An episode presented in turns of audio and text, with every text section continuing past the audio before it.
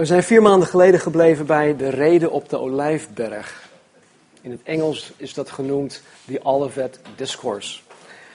Nu hebben we geen tijd om onze geheugens helemaal op te gaan frissen.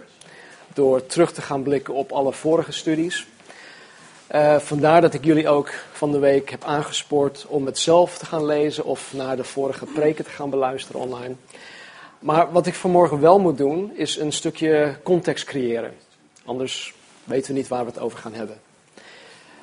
In het begin van Matthäus hoofdstuk 24 zien wij dat de, de discipelen, dat waren alleen de twaalf dan, het was echt een onderrondje met de discipelen Jezus. De discipelen stellen Jezus een hele specifieke vraag. En het, er staat in Matthäus 24, vers 3 dit. Toen Jezus op de olijfberg zat, gingen de discipelen naar hem toe, toen zij alleen waren. En ze zeiden tegen hem, zeg ons, wanneer zullen deze dingen gebeuren? En wat is het teken van uw komst en van de voleinding van de wereld? Het antwoord op deze vraag geeft Jezus ons in de rest van het hoofdstuk, Matthäus 24, en in hoofdstuk 25. Tot en met Matthäus 24, vers 28 leert Jezus ons over de grote verdrukking. Zowel over de eerste helft van de grote verdrukking, wat dan vrij rustig zal zijn op, hier op aarde, waarop mensen denken van hé, hey, het gaat nu allemaal heel goed. Maar ook de tweede helft van de grote verdrukking, wat, ja, laat, het, laat ik het heel zacht uitdrukken, wat gewoon veel minder goed zal gaan. En alhoewel Jezus dit aan zijn twaalf discipelen op de Olijfberg uitlegt, spreekt Jezus eigenlijk um, in, naar de toekomst toe uh, tegen de Joden die zich in deze grote verdrukking zullen bevinden. En we hebben vier zondagen besteed aan de eerste 28 versen. Dus mocht je je geheugen echt goed willen opfrissen, dan raad ik je aan om die vier preken nog eens te gaan beluisteren. Ik heb het zelf ook gedaan, want ja, ik moest, ook, ik moest er ook weer in komen. Um, maar goed, vanmorgen pakken wij het op in vers 29, Matthäus 24, 29. En wat heel belangrijk is uh, om te onthouden, is, dat, um, ja, is, is de vraag van de discipelen. Wanneer wij hoofdstuk 24 en 25 lezen, moeten wij die vraag van de discipelen blijven onthouden. En de vraag is, wat is het teken van uw komst? en van de voleinding van de wereld. Want het is eigenlijk naar aanleiding van deze vraag dat Jezus ons de inhoud van Matthäus 24 en 25 uh, eh, vervolgens geeft. Nou, um, Jezus heeft het in hoofdstuk 24 over een aantal tekenen. Uh, die, die, die um, dingen die nog niet um, het einde zijn. Of waarvan hij zegt, al deze dingen zijn nog maar een begin van de weeën. Dus hij geeft ons in de eerste 28 versen een, een verschillende tekenen. En dit zijn tekenen, tekenen waarmee men rekening moet houden. En deze tekenen hebben wij dus in de eerste 28 versen al, behandeld. Nou, ik geloof dat wat Jezus ons in vers 30 leert, het teken zal zijn. Het teken waar de discipelen naar vragen. En ze stelden de vraag, wat is het teken van uw komst en van de voleinding van de wereld? Dus wanneer wij zometeen in hoofdstuk 24 en 29 um, ehm, gaan starten, zullen wij ook die, um, um, die vraag beantwoord krijgen. Laten we onze Bijbels openslaan op Matthäus 24, 29, zoals als je dat nog niet gedaan hebt. En dan lezen we vanaf vers 29. En meteen na de verdrukking van die dagen zal de zon verduisterd worden, de maan zal zijn schijnsel niet geven, en de sterren zullen van de hemel vallen, en de krachten van de hemelen zullen heftig bewogen worden. Nou, door de eeuwen heen heeft de wereld met verdrukking uh, te maken gehad. En nu nog steeds. Wie van ons heeft niet met enige verdrukking te maken?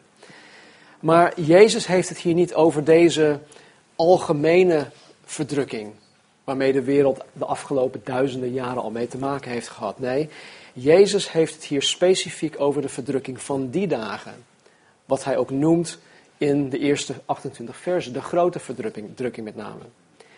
En in die periode, volgens vers 29, zal er in het heelal van alles misgaan. Er zal van alles misgaan. Sterren zullen uit de hemel neervallen. Sterren zullen uit de hemel neervallen. De kracht waarmee God alle sterren op hun plaats houdt, dat zal loslaten. Openbaring omschrijft deze gebeurtenis in uh, grote detail. Dat is openbaring 6 en dan vers 12 tot en met 17 voor degenen die, die notities maken. Er staat, Johannes schrijft hier, hij zegt, ik zag toen het lam het zesde zegel geopend had. Zie, er kwam een grote aardbeving. De zon werd zwart en de maan werd als bloed. En de sterren van de hemel vielen op de aarde zoals een vijgenboom zijn onrijpe vijgen afwerpt als hij door een harde wind wordt geschud. En de hemel week terug als een boekrol die op, wordt opgerold. En alle bergen en alle eilanden werden van hun plaats gerukt. En de koningen van de aarde, de groten, de rijken, de oversten over duizend, de machtigen en alle slaven en vrije mensen verborgen zich in de grotten en tussen de rotsen in de bergen. En ze zeiden tegen de bergen en de rotsen: Val op ons en verberg ons voor het aangezicht van Hem die op de troon zit en voor de toorn van het Lam. Want de grote dag van zijn toorn is aangebroken. En wie kan dan staande blijven? Het teken van de zoon des mensen. Wat de wereld en wat het heelal staat te wachten, is, is voor ons echt niet te bevatten. In het Engels uh, wordt er gezegd: You can't get your mind around it. Het is gewoon niet te bevatten wat de wereld en het heelal staat te wachten. En in vers 30, dan zal aan de hemel het teken van de zoon des mensen verschijnen. Dan zullen al de stammen van de aarde rouw bedrijven. Ze zullen de zoon des mensen zien als hij op de wolken van de hemel komt met grote kracht en heerlijkheid. De mensen die op dat moment nog leven, zullen met eigen ogen het teken van de wederkomst van Jezus Christus zien. Het teken waar de discipelen naar vroegen. Hij zal vanuit de hemel komen met grote kracht en heerlijkheid. En dit zien wij eigenlijk al honderden jaren daarvoor, nu al duizenden jaren hiervoor, voorspeld in verschillende profetieën vanuit het Oude Testament. Maar we zien het ook bijvoorbeeld in Handelingen hoofdstuk 1. Jezus die wordt dan, um, die, die spreekt zijn discipelen toe. En op een gegeven moment wordt hij opgenomen in de hemel. De discipelen die, die, die staren gewoon in de lucht te kijken, van ze zien hun heren weggaan. En op een gegeven moment komen er dan twee engelen en dan gebeurt dit. Er staat nadat Jezus dit gezegd had. Hij had hun gezegd dat zij dan naar Jeruzalem toe moesten gaan om te wachten op de belofte van God de Vader. Dat zij gedoopt zullen worden met de Heilige Geest, dat zij eh, getuigen zullen zijn. Dus nadat hij dat tegen hun gezegd had, werd hij opgenomen terwijl zij het zagen. En een wolk onttrok Jezus aan hun ogen. En toen zij, terwijl Jezus van hen wegging, hun ogen naar de hemel gericht hielden, zie, twee mannen stonden bij hen in witte kleding. Nou, dat zijn engelen. En deze zeiden, Galileese mannen, waarom staat u omhoog te kijken naar de hemel? Deze Jezus, die van u opgenomen is naar de hemel, zal op dezelfde wijze terugkomen als u hem naar de hemel hebt zien gaan. Deze engelen spreken hier dus heel expliciet over de wederkomst van Jezus Christus. Vers 31. En hij, Jezus, zal zijn engelen uitzenden onder luid bazuingeschal. En ze zullen zijn uitverkorenen bijeenbrengen uit de vier windstreken. Van het ene uiterste van de hemelen tot het andere uiterste ervan. We hebben in de eerste 28 versen, denk ik, tot twee, twee keer toe hebben het gehad of hebben gezien, gelezen over de uitverkorenen. En met betrekking tot de uitverkorenen die, hij, die Jezus in de eerste 28 versen noemt, gaat het specifiek over de Joden. Ehm, maar hier gaat het over alle christenen wereldwijd die Jezus Christus toebehoren. In het Engels noemen ze dat de Tribulation Saints. Dat zijn de mensen die dus na de opname van de kerk tot geloof zijn gekomen, die door de hele grote verdrukking nog um, leven, in leven zijn, die dan door Jezus en zijn engelen op een gegeven moment vergaard worden. En Jezus verzekert degenen die op dat moment nog leven dat wanneer hij terugkomt om de mensheid te oordelen, dat Jezus er zelf voor zal zorgen dat al zijn trouwe volgelingen, er zijn uitverkorenen hier, door de engelen bijeengebracht en gered zullen worden. Geen enkele trouwe volgeling van Jezus zal overgeslagen worden. Zowel Jood als niet-Jood. Ze worden allemaal van de, de alle windstreken van de wereld, worden ze door die engelen bijeengeroepen. Vers 32. Leer van de vijgenboom deze gelijkenis. Wanneer zijn tak al zacht wordt en de bladeren uitspruiten, dan weet u dat de zomer nabij is. Zo ook u, wanneer u al deze dingen zult zien, weet dan dat het nabij is, voor de deur. De discipelen van die tijd, ehm, mensen in Israël, die, die waren bekend met de vijgenboom. Ze wisten dat wanneer de nieuwe blaadjes in het voorjaar uit ontsproten, dat de zomer gewoon nabij was. Dat weten wij ook. Als wij in februari de sneeuwklokjes zien, zien komen of in, maart de, de narcissus, dan, dan weten wij, hé, hey, uh, het voorjaar is, is aangebroken. En dus hij gebruikt dit voorbeeld van de vijgenboom om aan te geven dat wanneer men al de tekenen in Matthäus 24 ziet gebeuren, de wederkomst, de terugkomst van Jezus Christus nabij is. En dan zegt hij in vers 34 dit: Voorwaar, ik zeg u, dit geslacht zal zeker niet voorbij gaan totdat al deze dingen gebeurd zijn. Jezus spreekt hier tot zijn twaalf discipelen. Ze zitten samen op de Olijfberg. En alhoewel hij dit aan zijn twaalf discipelen uitlegt, spreekt Jezus tot het geslacht, oftewel de, de generatie van mensen die levend zijn tijdens en na de grote verdrukking. Ik heb het wel eens vaker gezegd dat wanneer de Bijbel um, uh, profetie noemt of wanneer er geprofeteerd wordt, dat het meerdere uh, dimensies heeft. Het kan zijn dat wanneer uh, een, een, profetie wordt gegeven, dat het een, een, een nabije vervulling zal hebben, maar ook een toekomstige vervulling. En nu spreekt Jezus dus tegen zijn discipelen, maar het heeft eigenlijk betrekking op de verre toekomst. Nou, sommige commentatoren denken dat Jezus met dit geslacht het Joods volk bedoelt. En ik vind het een hele mooie gedachte, want dit zou aangeven, het is eigenlijk nu al een heel bijzonder dat de Joden überhaupt weer een land, een, een, een land, hun land terug hebben gekregen, na 2000 jaar. Maar het, het, het is een mooie gedachte, want het zou aangeven dat God het Joods volk tot aan, tot aan het einde van de wereld in stand zal houden. God is bij machten om zijn volk tot aan het einde van de wereld, die, die op dat moment waarschijnlijk verspreid zijn over de hele wereld, dat hij ze allemaal weer bijeen zou kunnen roepen. Vers 35. De hemel en aarde zullen voorbij gaan, maar mijn woorden zullen zeker niet voorbij gaan. Het is ook weer zoiets wat we echt niet voor kunnen stellen. Het heelal, de aarde zoals wij die nu kennen, zullen op een gegeven moment niet meer bestaan. Dat is voor, ik, ik kan me daar niks bij voorstellen. Maar goed, het staat er. De Bijbel leert ons ook dat het woord van God voor altijd blijft bestaan. Petrus noemt dit in, uh, in zijn tweede brief, maar hij citeert dan Jesaja 40 vers 8. En in Jesaja 40 vers 8 staat dit. Het gras verdort, de bloem valt af, maar het woord van onze God bestaat voor eeuwig. Denk even, sta, sta hier even bij, even bij stil. Denk na over hoe belangrijk God zijn woord acht. Alles dat wij nu in dit leven hebben en kennen, alles dat in het heelal bestaat, zal op een gegeven moment niet meer bestaan. Het zal niet meer bestaan. Behalve dit.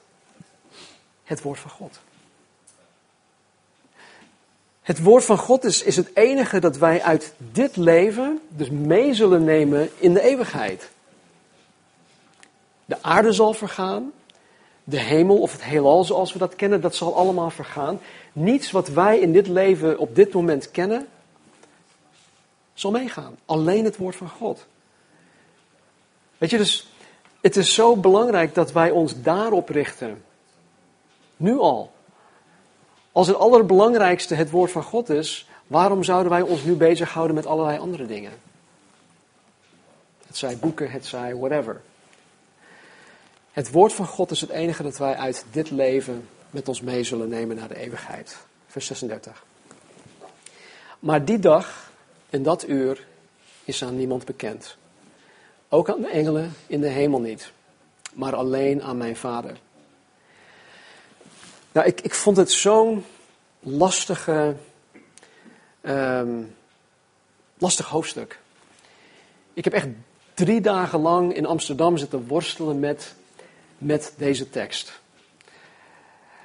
Want het werd mij ooit geleerd, toen ik klein was, dat, dat het volgende, de volgende um, aansporingen tot waakzaamheid en dat soort dingen, wat hij dus tot aan het eind van hoofdstuk 24 um, uitlegt, dat dat allemaal te maken heeft met de opname van de gemeente. Je moet waakzaam blijven. Maar dat betekent dus dat Jezus het over twee verschillende dingen heeft. Dan, dan heeft Jezus het dus over de wederkomst van Jezus Christus. En dan zou hij het ook over de opname hebben. Maar daar heeft hij het niet over. Dus ik zat, ik zat ook commentaren te lezen en ik zat gewoon te worstelen. Heer, wat, wat bedoelt u nou hiermee? Nou, ik, ik ben tot een conclusie gekomen.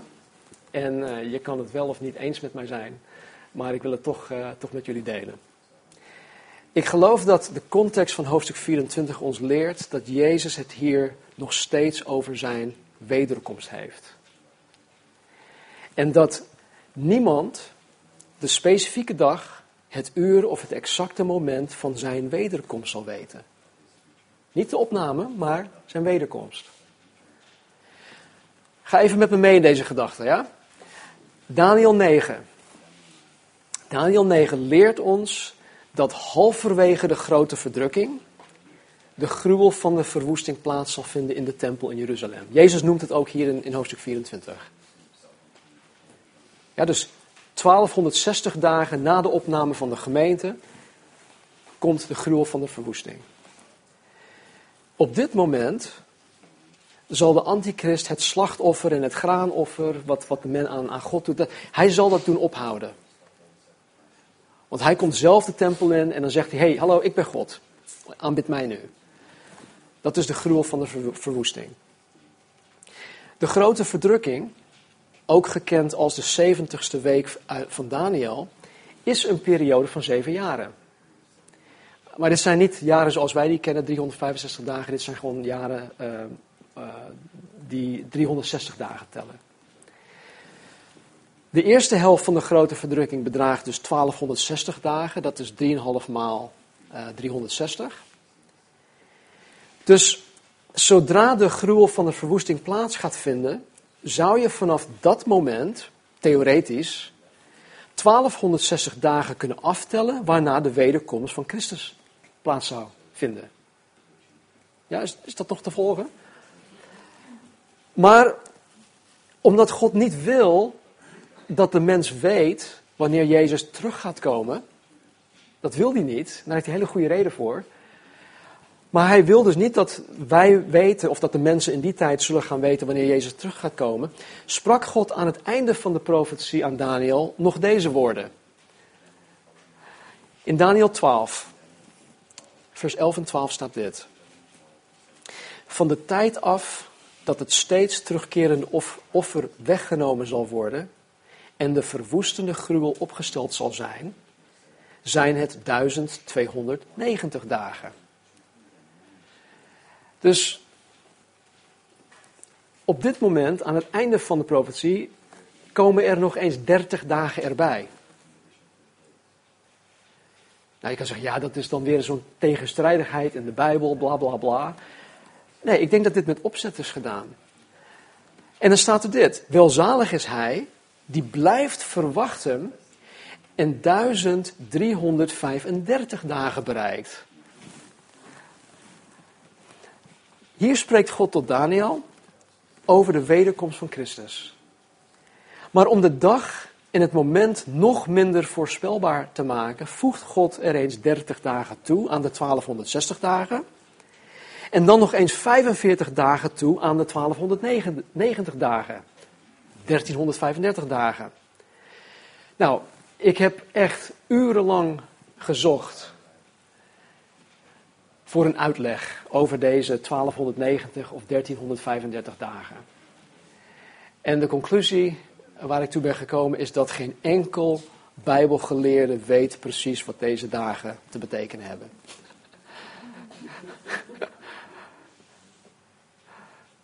Niemand weet het. Het is en het blijft gewoon een geheimenis van God. Vandaar dat Jezus ook kan zeggen dat niemand zal weten wanneer hij terugkomt. Nogmaals, we hebben het niet over de opname van de gemeente, maar zijn wederkomst. Niemand zal het weten. Engelen niet, de mensen niet. En dan staat er zelfs in Marcus, zelfs de zoon niet. Dus hij Jezus. En dat geeft dus aan dat alleen in zijn mensheid wist hij niet op dat moment wanneer hij terug zou komen. Dat geeft ook aan dat Jezus volledig mens was en dat hij volledig afhankelijk was van God de Vader, van de Heilige Geest, voor de kennis die hij had. Maar goed. Dus niet alleen is het moment van de opname van de kerk een mysterie, maar ook het moment van de werkelijke wederkomst van Jezus is gewoon voor niemand bekend. Niemand bekend. Vers 37. Zoals de dagen van Noach waren, zo zal ook de komst van de zoon des mensen zijn. Want zoals ze bezig waren in die dagen, voor de zondvloed met eten, drinken, trouwen en ten huwelijk geven, tot aan de dag waarop Noach de ark binnenging en het niet merkten totdat de zondvloed kwam en hen allen wegnam, zo zal ook de komst van de zoon des mensen zijn. Jezus gebruikt de, de parallel van de dagen van Noach, gewoon, denk ik gewoon, om aan te geven dat wanneer Jezus terugkomt, het hier op aarde gewoon business as usual zal zijn. En ik denk dat ondanks alle ellende van de grote verdrukking, de mensen op een gegeven moment toch gaan proberen om daarna het normale leven gewoon weer op te pakken. En het is wanneer men Jezus absoluut niet verwacht, dat hij komen zal. Dit zijn even mijn eigen gedachten, doe ermee wat je wil.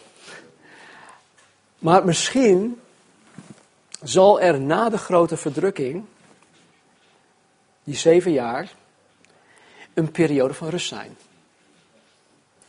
Ik weet het niet. Misschien zal er tijdens die 75 extra dagen van Daniel, eerst die 30 dagen en dan de 45 dagen, misschien zal er een zekere rust over de aarde heen komen. Nogmaals, ik weet het niet, maar ik, ik denk nu even hardop. En misschien is het in die periode dat men denkt van oké, nou alle ellende is over, we gaan nu weer de draad oppakken en kijken hoe we verder kunnen gaan leven. Laten we ons leven weer gaan opbouwen. Maar goed, hoe dan ook, wanneer het hier op aarde weer een soort van business as usual zal zijn, dan zal Jezus terugkomen. Vers 40. Dan zullen er twee op de akker zijn. De een zal aangenomen en de ander zal achtergelaten worden. Er zullen twee vrouwen malen met de molen. De een zal aangenomen en de ander zal achtergelaten worden. Nogmaals, dit gedeelte werd mij altijd uitgelegd als een, een, een gelijkenis wat betrekking had of heeft op de opname van de gemeente. Maar ik ik ben, ik, ik, ja, ik, ik ben daar, ehm, van die gedachte ben ik afgeweken. Waarom? Omdat de context van hoofdstuk 24 ons leert dat hij het over de wederkomst heeft.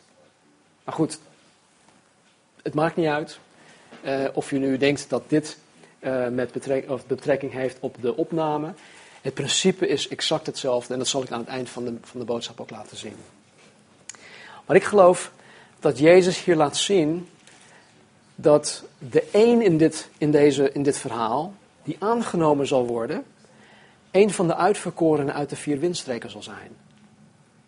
Wat hij, waar hij het over had in vers 31. Die de engelen van vers 31 bijeen zal brengen. Vergeet niet hè, dat tijdens de grote verdrukking een ontelbaar aantal mensen tot geloof in Jezus Christus zullen gaan komen. En de uitverkorenen van vers 31 zijn deze mensen. Het zal voor hun miljoenen malen moeilijker zijn om christen te zijn in die tijd dan het voor ons nu is. Maar er zullen echt ontelbaar mensen zijn die tot geloof in Jezus Christus gaan komen. En dit zijn de mensen die Jezus, die zijn engelen bijeen zullen gaan brengen. Vers 42. Wees dan waakzaam, want u weet niet op welk moment uw Heer komen zal. Maar weet dit, dat als de Heer des huizes geweten had in welke nachtwaken de dief zou komen, hij waakzaam geweest zou zijn en niet in zijn huis zou hebben laten inbreken. Wees ook u daarom bereid, want op een uur waarop u het niet zou denken, zal de zoon des mensen komen. Nou, over de waakzaamheid en over het goed voorbereid zijn op de wederkomst, daar kom ik zo meteen nog op terug. Wie is dan, vers 45, de trouwe en verstandige slaaf, die zijn heer over zijn personeel aangesteld heeft om hun het voedsel op de juiste tijd te geven? In, in dit verhaal, deze gelijkenis, heeft Jezus het over een slaaf, oftewel een dienstknecht met een vertrouwenspositie. Het is niet zomaar een doorsnee slaaf die een taak heeft. Nee, het is iemand die een, een bepaalde taak is toevertrouwd, een bepaalde verantwoordelijkheid heeft gekregen over het huishouden van de baas, van de Heer. Vers 46. Zalig is die slaaf die door zijn Heer bij zijn komst zo handelend aangetroffen zal worden. Voorwaar ik zeg u dat hij hem over al zijn bezittingen zal aanstellen. Ik geloof dat Jezus hier spreekt over de christenen die de wederkomst van Jezus met smart zullen gaan verwachten. De christen die goed voorbereid is, de christen die ehm, de wederkomst van Jezus gewoon verwacht. En tegen deze christenen zegt Jezus dat omdat hij er goed op voorbereid was, hij deel zal krijgen aan zijn koninkrijk. En dan niet gewoon als deelnemer van, joh, ik mag erbij zijn, maar dat hij zelfs ook een verantwoordelijkheid krijgt in het besturen van het koninkrijk. Over deze christen, of christenen, staat er in Openbaring 5 dit geschreven. Openbaring 5, vers 9 en 10. U, Jezus, bent geslacht en hebt ons voor God gekocht met uw bloed.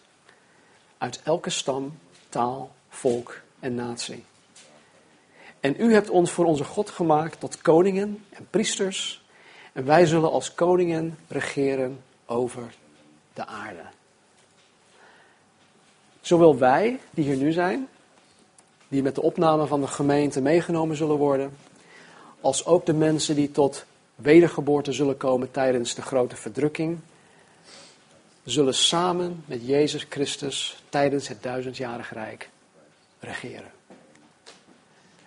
Dat is misschien een leuke gedachte. Wij worden allemaal ambtenaren.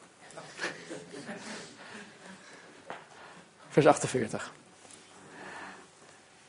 Maar als die slechte slaaf in zijn hart zou zeggen: Mijn heer blijft nog lang weg. En zou beginnen zijn medeslaven te slaan en te eten en te drinken met de dronkaards. Dan zal de heer van deze slaaf komen op een dag waarop hij hem niet verwacht.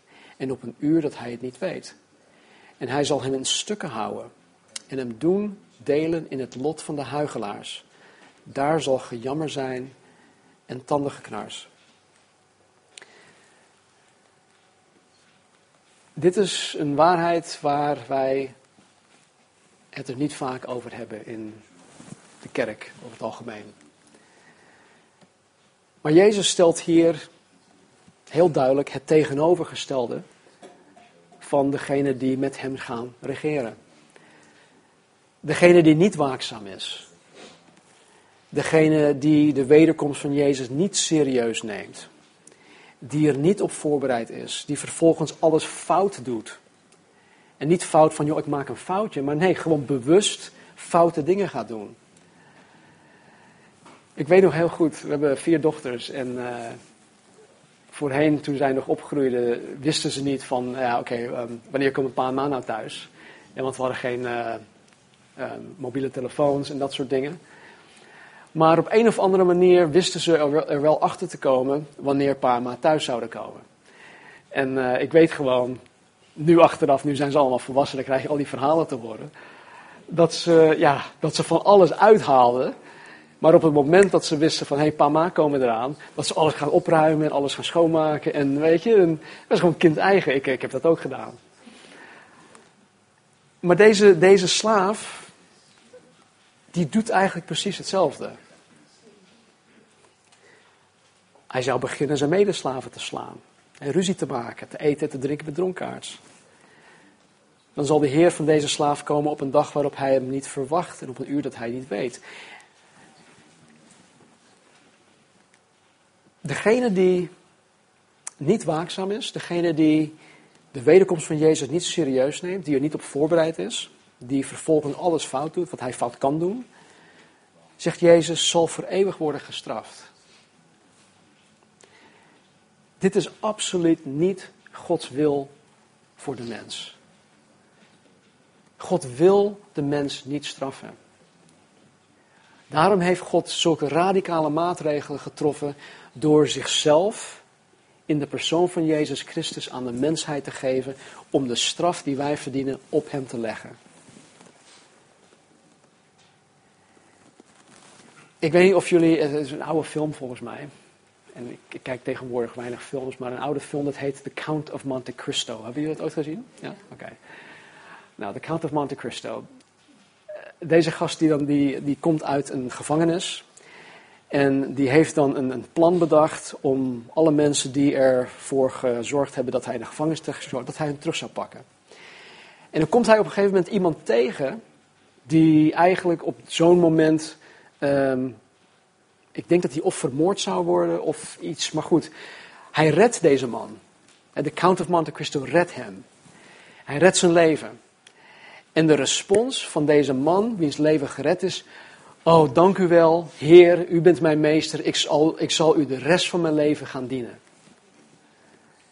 En dat doet hij ook. En je ziet ook gewoon dat hij zijn leven neerlegt voor deze Count of Monte Cristo.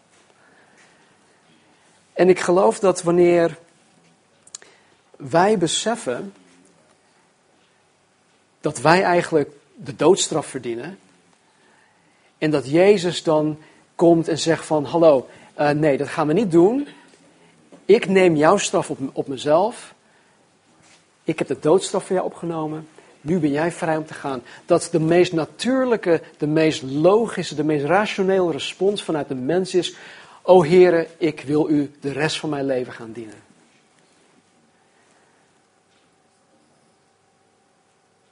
de hamvraag.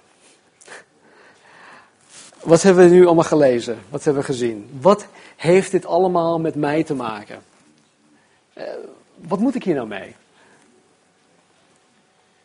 Ten eerste, als je vanmorgen wedergeboren bent, dan zijn de woorden van Jezus voor jou van belang, omdat God per se wil dat je op de hoogte bent van wat hij van plan is.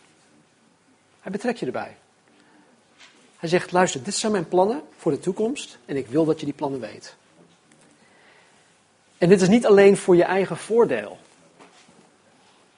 Maar God verwacht ook van jou, want als jij die kennis gekregen hebt, dan ben jij verantwoordelijk voor die kennis. Hij verwacht van jou dat jij jouw kennis van deze zaken met andere mensen gaat delen. Kijk, over het algemeen weten de nog niet geloven mensen in onze omgeving wel iets over de eerste komst van Jezus Christus. Kinderen die groeien op in een, een katholieke basisschool of een protestantse basisschool of whatever. En ze krijgen wel iets mee van het christelijk geloof hier in Nederland. Dat wordt minder, maar het is wel zo.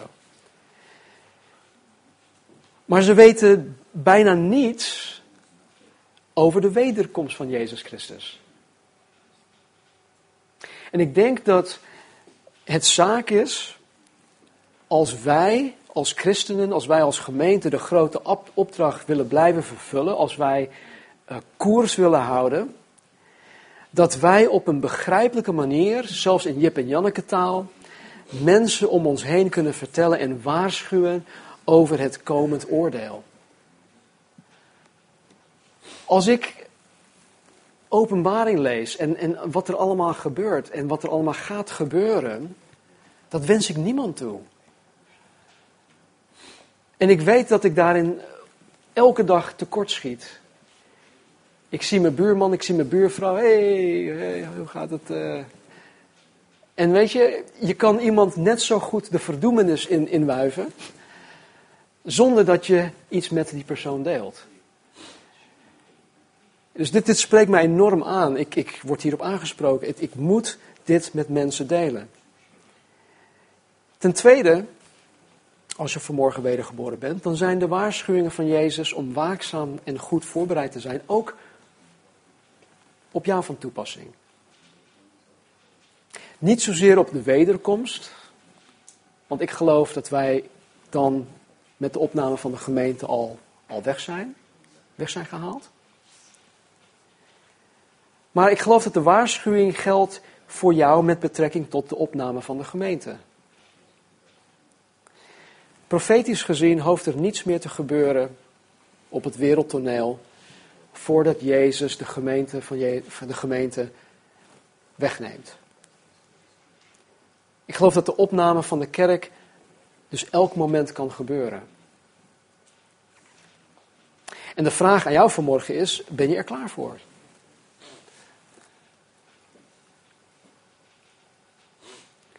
Ben je er klaar voor? Houd je je bezig met het werk dat de Heer aan jou heeft toevertrouwd? In de King James versie staat er in Lucas 19 uh, eh, dat Jezus zegt, occupy till I come. Ik dat. En dat betekent simpelweg, houd je bezig met het werk van de Heer totdat ik terugkom. Of totdat ik je meeneem, totdat ik je weghaal. Ben je waakzaam? Verwacht je dat Jezus op elk moment de gemeente kan opnemen? Ook hierin schiet ik tekort. Ik denk niet continu aan, oh, wanneer Jezus komt nu. Ik zit niet met mijn hoofd continu daaraan te denken. Maar het bepaalt wel wie ik ben en het bepaalt wel hoe ik in het leven sta. En waarom ik doe wat ik doe. Ik wil bezig zijn met de dingen van de Heer. Kijk, als Casper nu zegt van, joh, ik geloof dat er onder mijn, uh, onder mijn stoel een C4-bom staat en dat die elk moment uh, af kan gaan en hij blijft daar rustig zitten, dan zou ik tot de conclusie komen, nou, hij gelooft dat niet echt. Weet je, en als wij geloven, of als wij beweren te geloven dat Jezus op elk moment terug kan komen, terwijl wij gewoon doorgaan met van alles en nog wat en ons niet bezighouden met de dingen van de Heer, dan zou ik ook tot dezelfde conclusie kunnen komen. Ah, jij gelooft dat niet echt. En dat, dat, en dat pas ik ten eerste toe op mezelf.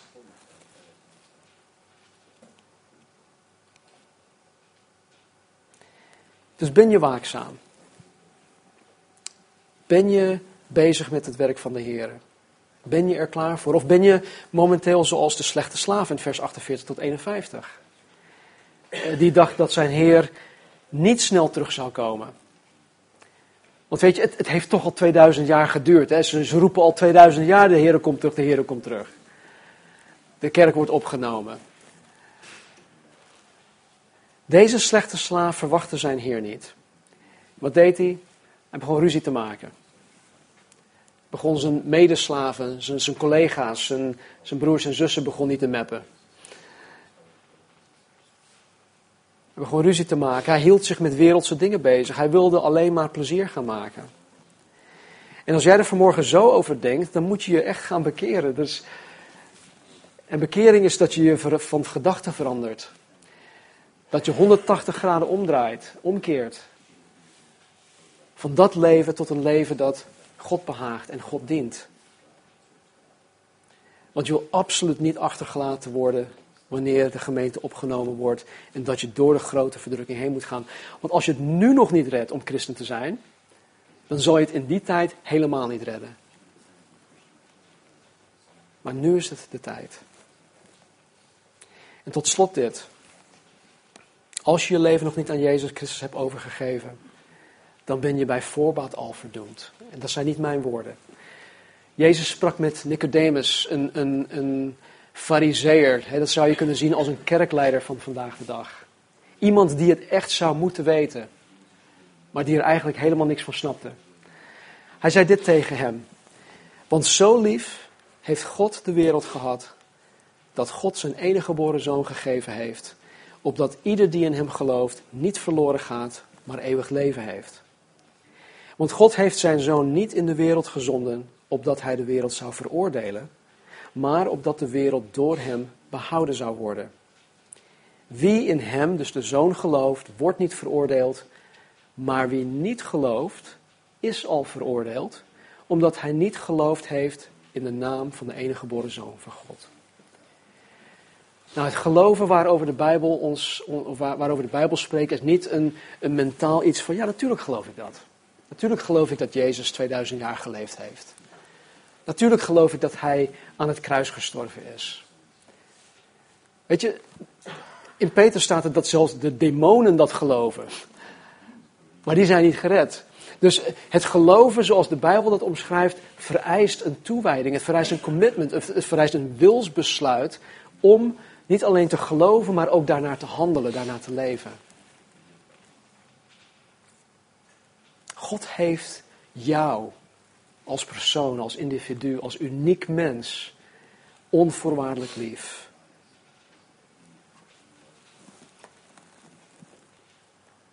En het allerlaatste dat God wil dat dat met jou gebeurt, is dat je door Hem veroordeeld gaat worden. Want dat is niet nodig. Want God heeft in zijn genade, heeft hier alles aan gedaan om jou niet te hoeven veroordelen. Jezus Christus heeft jouw oordeel op zich genomen.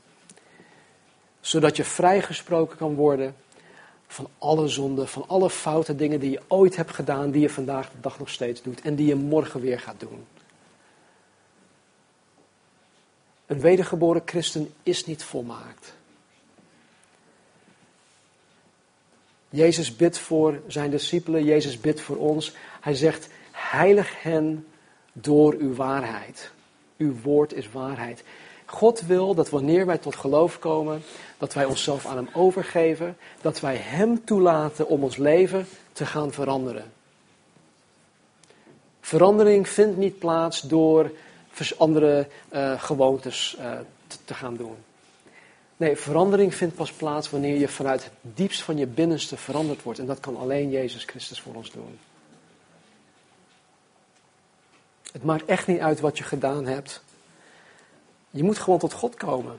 Zoals je bent, met al je zooi, met al je sores en problemen en vragen en, en ellende. Kom gewoon zoals je bent en en vraag God om vergeving. En, en maak een wilsbesluit. Maak gewoon een besluit om de rest van je leven hier op aarde voor Hem te gaan leven. Het is zo simpel, mensen. Gisteren op de mannenochtend zei ik nog, uh, ik citeerde A.W. Tozer, denk ik. Um, het kost je absoluut niets om een christen te worden, maar het kost je alles om een christen te zijn. En dat, dat bedoel ik met die overgave. Je hoeft alleen maar te zeggen, God, hier ben ik. Ik ben een zondaar. U kent mij door en door. U weet wat er allemaal in mij omgaat. Wat, wat, wat voor leven ik nu leid. Wat ik nodig heb. Vergeef me gewoon. En ik wil u dienen. De opname die zit eraan te komen. Als je de krantenkoppen nu leest, dan zijn daar alle, is er van alles gaande op het wereldtoneel. Het Midden-Oosten, dat is, dat is zo'n ellendige situatie. Er is geen oplossing voor. Maar er zijn allemaal wel tekenen dat het einde nabij is. Dus de opname zit eraan te komen, de grote verdrukking zit eraan te komen, de wederkomst van Jezus Christus, waarin Hij de mensheid zal oordelen, zit eraan te komen. En de vraag is, ben je er klaar voor? Ben je er klaar voor? Volgende week pakken we het op in hoofdstuk 25, vers 1. En uh, ik weet niet hoe ver we gaan komen. Maar lees in ieder geval hoofdstuk 25 nog door.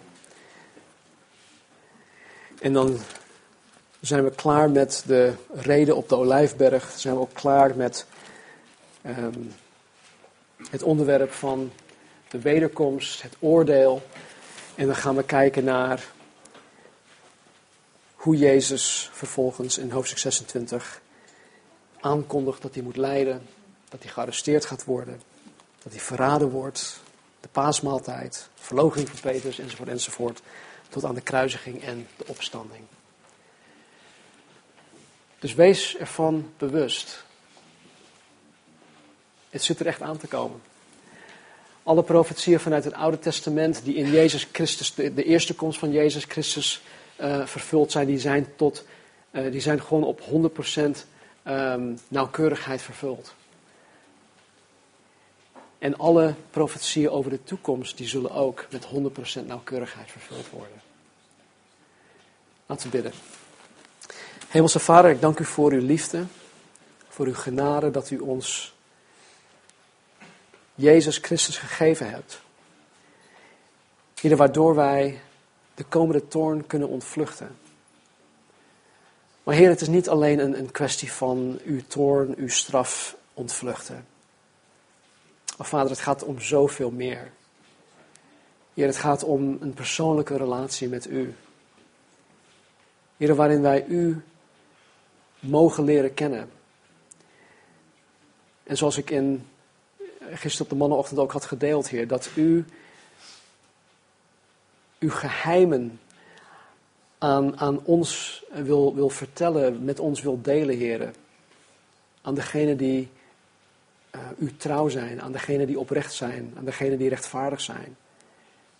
Dat u van ons een vertrouwenspersoon wil maken. Heer, dat, dat is ook niet te beseffen, te bevatten. Dat u als God, de Almachtige, de Alwetende, de Schepper van hemel en aarde, ons wil betrekken bij wat u aan het doen bent. Dank u wel daarvoor. Dank u wel voor de, de duidelijkheid die Jezus ons geeft in Matthäus 24. Ik bid, heren, dat wij doordrongen zullen worden van het feit dat wij echt beslissingen moeten gaan nemen. Dat wij prioriteiten in ons leven moeten gaan stellen en dat wij u, Heer, u op de, op, op, op de eerste plaats zullen zetten van ons leven. Dat wij zullen voldoen aan de eerste en de allerbelangrijkste opdracht. En dat is om van u te houden met heel ons hart, ziel, verstand en kracht. Help ons daartoe, Heer. We kunnen dit niet. We kunnen dit absoluut niet zelf. Dus vervul ons met uw geest. Geef ons de mogelijkheid daartoe. Stel ons in staat, Heer, om dat te doen. Om u te behagen in alle dingen. En maak ons gereed. Maak ons gereed voor de opname. Maak ons gereed om samen met u te regeren.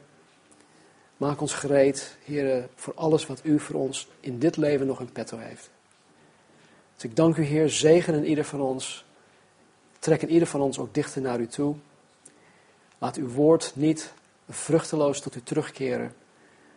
Maar Heer, bereik wat u met uw woord vandaag wil bereiken in ieder van onze harten. Omwille van uw naam, Jezus. Omwille van het evangelie. In Jezus' naam. Amen.